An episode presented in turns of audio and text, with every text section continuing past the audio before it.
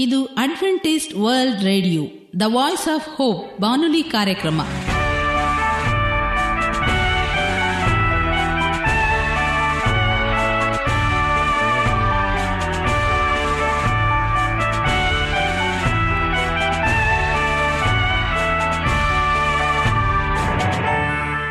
ನಮಸ್ಕಾರ ಪ್ರೀತಿಯ ಕೇಳುಗರೆ, ನಮ್ಮ ನಿಲಯದ ಕನ್ನಡ ಕಾರ್ಯಕ್ರಮಕ್ಕೆ ತಮ್ಮೆಲ್ಲರಿಗೂ ಆತ್ಮೀಯ ಸುಸ್ವಾಗತ. ಮುಂದಿನ ಮೂವತ್ತು ನಿಮಿಷಗಳಲ್ಲಿ ಸುಮಧುರವಾದ ಹಾಡುಗಳು, ಆರೋಗ್ಯದ ಸಂದೇಶ, ಮಕ್ಕಳಿಗೆ ನೀತಿ ಕಥೆಗಳು ಹಾಗೂ ದೇವರ ವಾಕ್ಯವನ್ನು ಕೇಳೋಣ. ಈ ಕಾರ್ಯಕ್ರಮ ನಿಮಗೆ ಸಂತೋಷವನ್ನು ಕೊಡಲೆಂದು ಕೋರುತ್ತೇವೆ. ಈ ಕಾರ್ಯಕ್ರಮದ ಪ್ರಾರಂಭದಲ್ಲಿ ಸುಮಧುರವಾದ ಗೀತೆಯೊಂದನ್ನು ಕೇಳೋಣ ಿ.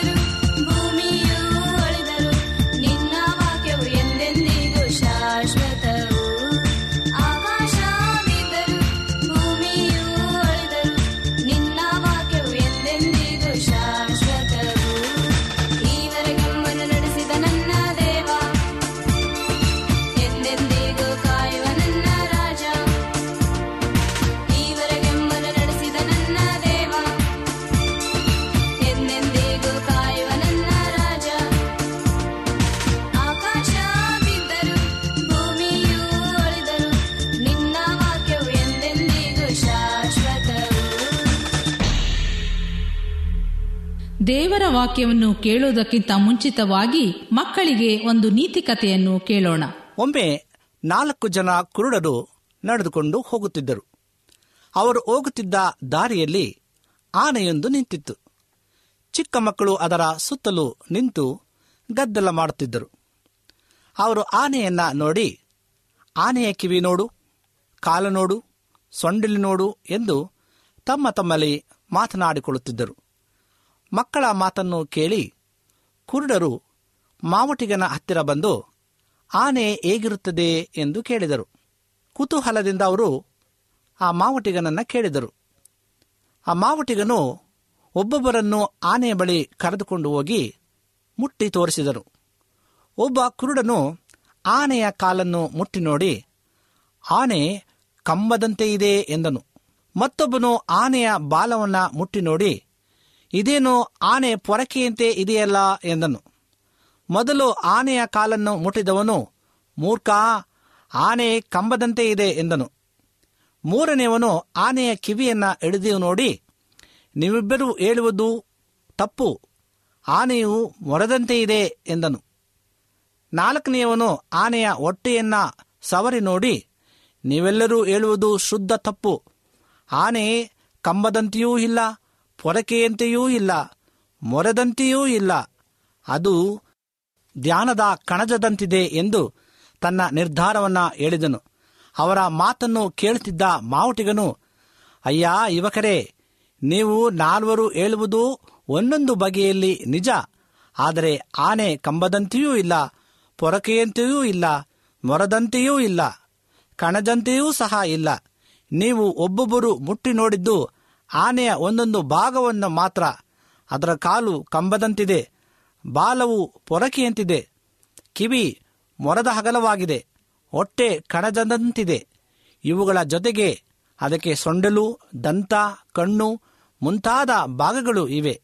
ಇವೆಲ್ಲವೂ ಸೇರಿ ಆನೆಯ ದೇಹವಾಗಿದೆ ಎಂದು ವಿವರಿಸಿದ.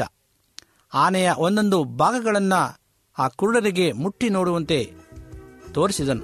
ಪ್ರೀತಿಯ ಮಕ್ಕಳೇ ಹೀಗೆ ಅರಿವಿಲ್ಲದ ಜನರು ಇದೇ ದೇವರು, ಅದೇ ದೇವರು ಎಂದು ಬೇರೆ ಬೇರೆ ಮಾಡಿ ವಾದ ಮಾಡುತ್ತಾ ಕೋಲಾಹಲವನ್ನು ಉಂಟು ಮಾಡುತ್ತಾರೆ ಒಗ್ಗಟ್ಟನ್ನು ಮುರಿಯುತ್ತಾರೆ, ಪ್ರೀತಿಯನ್ನ ಕಳೆದುಕೊಳ್ಳುತ್ತಾರೆ. ದೇವರು ಒಬ್ಬನೇ, ಸೃಷ್ಟಿಕರ್ತನು ಒಬ್ಬನೇ ಎಂಬುದನ್ನ ಎಲ್ಲರೂ ತಿಳಿದುಕೊಳ್ಳಬೇಕು ಎಂಬುದಾಗಿ ವಂದನೆಗಳು. ಈಗ ಮತ್ತೊಂದು ವಿಶೇಷ ಗೀತೆಯೊಂದನ್ನು ಕೇಳೋಣ. ಈ ಹಾಡನ್ನು ಕೇಳಿದ ಮೇಲೆ ನಿಮ್ಮ ಮನಸ್ಸು ದೇವರ ವಾಕ್ಯವನ್ನು ಕೇಳಲು ಸಿದ್ಧವಾಗಿದೆ ಎಂದು ತಿಳಿದಿದ್ದೇವೆ ಿ.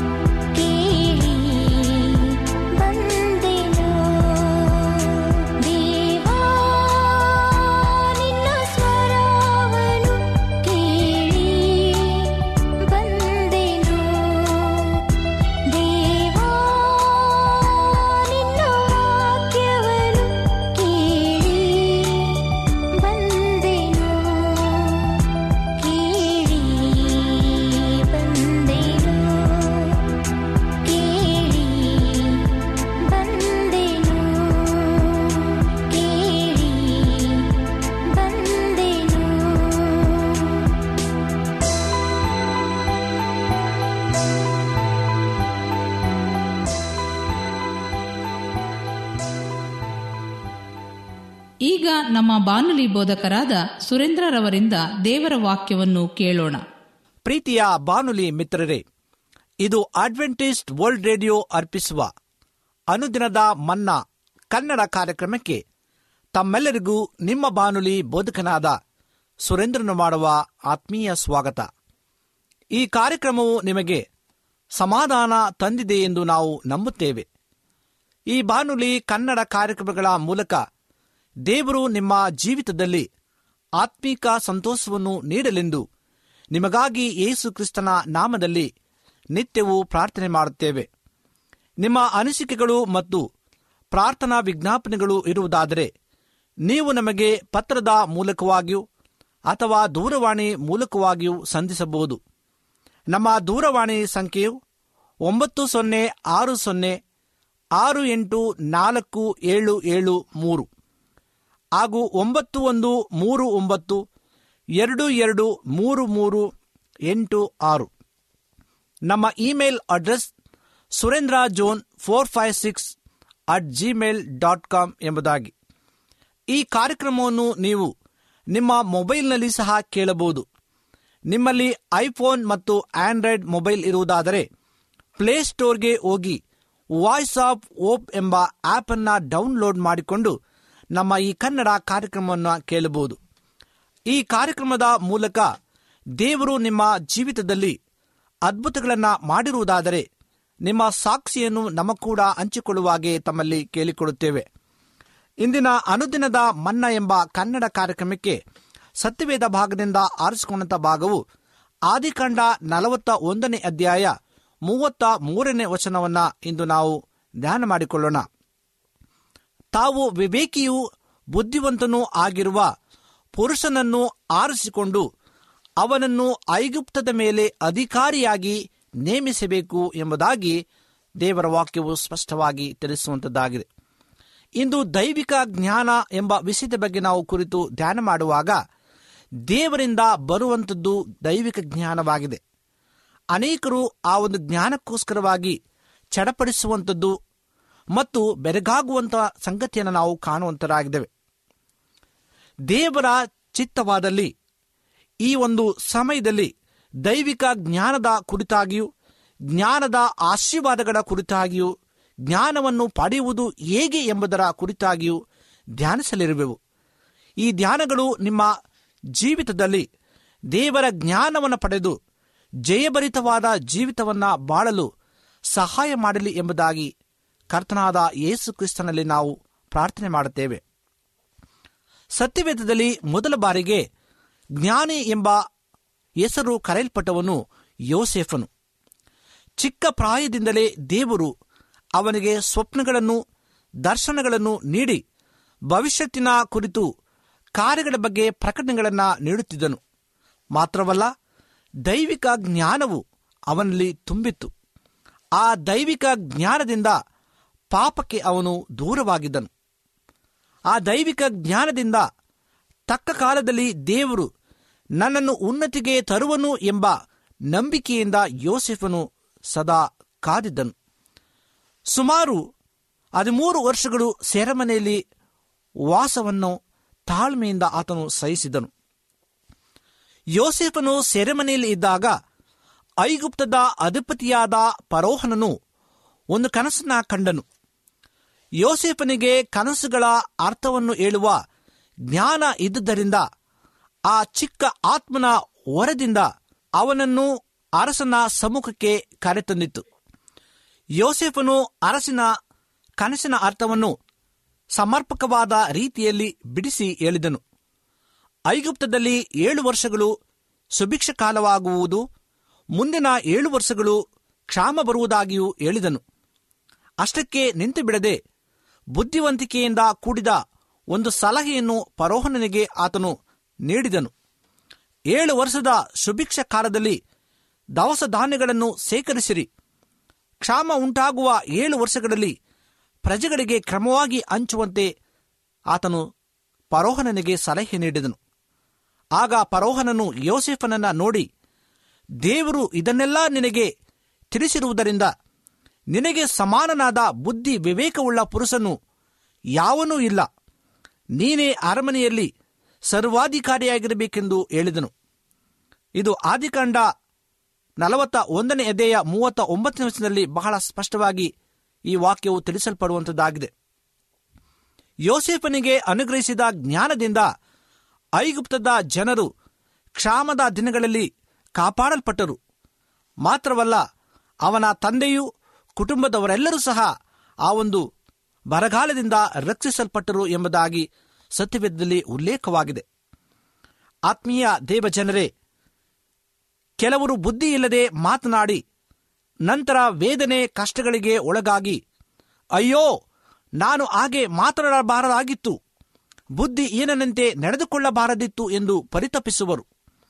ತಪ್ಪಿತಸ್ಥ ಮನೋಭಾವದಿಂದ ಬಾಧಿಸಲ್ಪಡುವರು. ಪ್ರಿಯರೇ ನಿಮ್ಮ ನಡೆ ನುಡಿಗಳಲ್ಲಿ ಎಚ್ಚರದಿಂದಿರಿ. ದೇವರು ನಿಮಗೆ ಪರಲೋಕದ ಜ್ಞಾನವನ್ನ ನೀಡಿ ಅತ್ಯೈಶ್ವರವಾದಂಥ ಆಶೀರ್ವಾದದಿಂದ, ಜ್ಞಾನದಿಂದ ನೀವು ತುಂಬಲ್ಪಟ್ಟು ಅನೇಕರಿಗೆ ಸಾಕ್ಷಿಯ ಮಕ್ಕಳಾಗಿ ಜೀವಿಸುವಾಗೆ ದೇವರು ನಿಮ್ಮನ್ನ ಬಲಪಡಿಸಲಿ ಎಂಬುದಾಗಿ ನಿಮಗಾಗಿ ಇಂದು ಬೇಡಿಕೊಳ್ಳುತ್ತೇವೆ. ಆದ್ದರಿಂದ ಯೋಸೇಫನು ಪರೋಹನಿಗೆ ಹೇಳಿದಂಥ ವಾಕ್ಯಗಳನ್ನು ನಾವು ನೋಡುವಾಗ, ತಾವು ವೇಕಿಯೂ ಬುದ್ಧಿವಂತನೂ ಆಗಿರುವ ಪುರುಷನನ್ನು ಆರಿಸಿಕೊಂಡು ಅವನನ್ನು ಐಗುಪ್ತ ದೇಶದ ಮೇಲೆ ಅಧಿಕಾರಿಯಾಗಿ ನೇಮಿಸಬೇಕು ಎಂಬುದಾಗಿ ಸಲಹೆಯನ್ನು ಇಟ್ಟ ಸಂಗತಿಯನ್ನು ನೋಡುವಾಗ ಈತನಿಗಿಂತ ಬೇರೆ ಯಾರೂ ಜ್ಞಾನ ಇಲ್ಲ ಎಂಬುದಾಗಿ ಆತನು ಅರಿತು ಐಗುಪ್ತ ದೇಶದ ಮೇಲೆ ಸರ್ವಾಧಿಕಾರಿಯಾಗಿ ಯೋಸೆಫನನ್ನ ನೇಮಿಸಿದನು. ಇನ್ನು ನಾವು ಬೇಡಿಕೊಳ್ಳುವಾಗ ದೇವರು ಅಂಗಿಸದೆ ನಮಗೆ ಆ ಒಂದು ಅಪರಿಮಿತವಾದಂಥ ಜ್ಞಾನವನ್ನ ಆತನು ಅನುಗ್ರಹಿಸಲು ಶಕ್ತನಾಗಿದ್ದಾನೆ ಯಾಕೋಬನ ಪುಸ್ತಕದಲ್ಲಿ ಬಹಳ ಸ್ಪಷ್ಟವಾಗಿ ಒಂದನೇ ಅಧ್ಯಾಯ ಐದನೇ ವರ್ಷದಲ್ಲಿ ತಿಳಿಸಲ್ಪಟ್ಟಿದೆ. ನಿಮಗೆ ಜ್ಞಾನ ಕಡಿಮೆ ಇದ್ದರೆ ಕೇಳಿಕೊಳ್ಳಿರಿ. ನಾನು ನಿಮಗೆ ದಯಪಾಲಿಸಿಕೊಡುವೆನು, ಅಂಗಿಸದೆ ಕೊಡುವೆನು ಎಂಬುದಾಗಿ ಸತ್ಯವೇದ ಹೇಳುವಂಥದ್ದಾಗಿದೆ ಇಂದು ನಾವು ಬೇಡಿಕೊಳ್ಳಬೇಕಾಗಿದೆ. ಆತನನ್ನು ನಾವು ಭಿನ್ನಯಿಸಬೇಕಾಗಿದೆ ಕೇಳಬೇಕಾಗಿದೆ. ಕರ್ತನೇ, ನನಗೆ ಜ್ಞಾನವನ್ನು ಕೊಡು. ನಿನ್ನ ಒಂದು ರಾಜ್ಯವನ್ನ ಕಟ್ಟುವಂತೆ, ನಿನ್ನ ಒಂದು ಮಕ್ಕಳನ್ನ ನಿನ್ನ ಸನ್ನಿಧಾನದಲ್ಲಿ ಸೇರಿಸುವಂತ ಜ್ಞಾನವನ್ನ ದಯಪಾಲಿಸಿಕೊಡು ಎಂಬುದಾಗಿ ಆತನ ನಾವು ಭಿನ್ನಯಿಸಬೇಕಾಗಿದೆ ದಾವಿದನು ಒಂದು ವಚನವನ್ನು ಹೀಗೆ ಬರೆಯಲ್ಪಡುವಂತನಾಗಿದ್ದಾನೆ. ಕೀರ್ತನೆ ನೂರ ಏಳನೇ ಅಧ್ಯಾಯ ನಲವತ್ತ ಮೂರನೇ ವಚನದಲ್ಲಿ, ಜ್ಞಾನಿಗಳು ಈ ಸಂಗತಿಗಳನ್ನು ಗಮನಿಸಿ, ಯಹೋವನ ಕೃಪಾ ಕಾರ್ಯಗಳನ್ನು ಗ್ರಹಿಸಿಕೊಳ್ಳಲಿ ಎಂಬುದಾಗಿ. ಇಂದು ನಾವು ಜ್ಞಾನವಂತರಾಗಿದ್ದಂಥ ಪಕ್ಷದಲ್ಲಿ ಆತನ ಕೃಪಾ ಕಾರ್ಯಗಳನ್ನು ಗ್ರಹಿಸಲು ನಮಗೆ ಶಕ್ತವಾಗುವಂಥದ್ದಾಗಿದೆ. ಇಂದು ನೀವು ಆ ರೀತಿಯಾದಂಥ ಜ್ಞಾನವನ್ನು ಕರ್ತನಲ್ಲಿ ಬೇಡಿಕೊಳ್ಳುವಾಗ ದೇವರು ಖಂಡಿತವಾಗೂ ಅಪರಿಮಿತವಾದಂಥ ಜ್ಞಾನವನ್ನು ನಿಮ್ಮ ಕುಟುಂಬಗಳಲ್ಲಿ ನಿಮಗೋಸ್ಕರವಾಗಿ, ನಿಮ್ಮ ಮಕ್ಕಳಿಗೋಸ್ಕರವಾಗಿ ಆತನು ತುಂಬಿಸಿ ಬಲಪಡಿಸಲು ಶಕ್ತನಾಗಿದ್ದಾನೆ.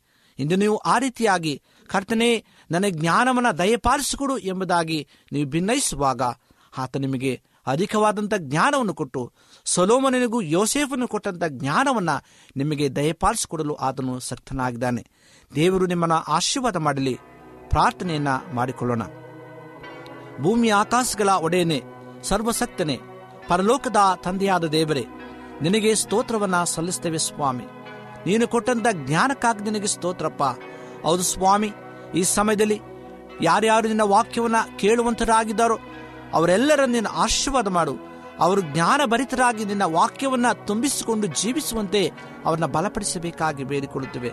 ಒಂದು ವೇಳೆ ಕಷ್ಟದಲ್ಲಿ, ನೋವಿನಲ್ಲಿ, ಚಿಂತೆಯಲ್ಲಿ ಸಮಸ್ಯೆಯಲ್ಲಿ ಕಣ್ಣೀರಿನಲ್ಲಿ ಇದ್ದಂಥ ಪಕ್ಷದಲ್ಲಿ ಕರ್ತನೆ, ನೀನು ಅವರೆಲ್ಲ ಸಮಸ್ಯೆಗಳನ್ನು ಬಿಡಿಸಿ ಸುಖಾವಸ್ಥೆಗೆ ನೀನು ತರಬೇಕಾಗಿ ಬೇಡಿಕೊಳ್ಳುತ್ತೇವೆ.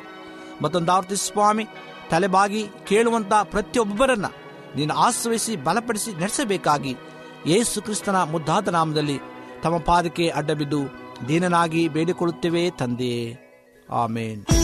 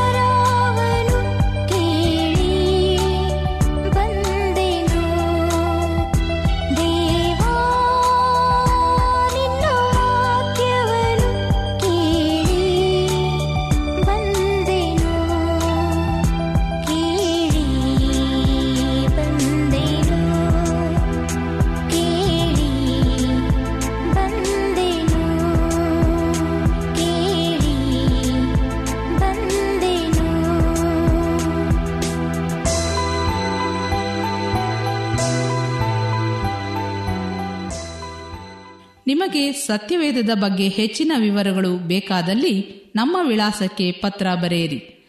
ನಮ್ಮ ವಿಳಾಸ ಅಡ್ವೆಂಟಿಸ್ಟ್ ವರ್ಲ್ಡ್ ರೇಡಿಯೋ ಟಪಾಲು ಪೆಟ್ಟಿಗೆ ಒಂದು ನಾಲ್ಕು ನಾಲ್ಕು ಆರು, ಮಾರ್ಕೆಟ್ ಯಾರ್ಡ್, ಅಂಚೆ ಕಚೇರಿ, ಪುಣೆ ನಾಲ್ಕು ಒಂದು ಒಂದು ಸೊನ್ನೆ ಮೂರು ಏಳು, ಮಹಾರಾಷ್ಟ್ರ, ಇಂಡಿಯಾ.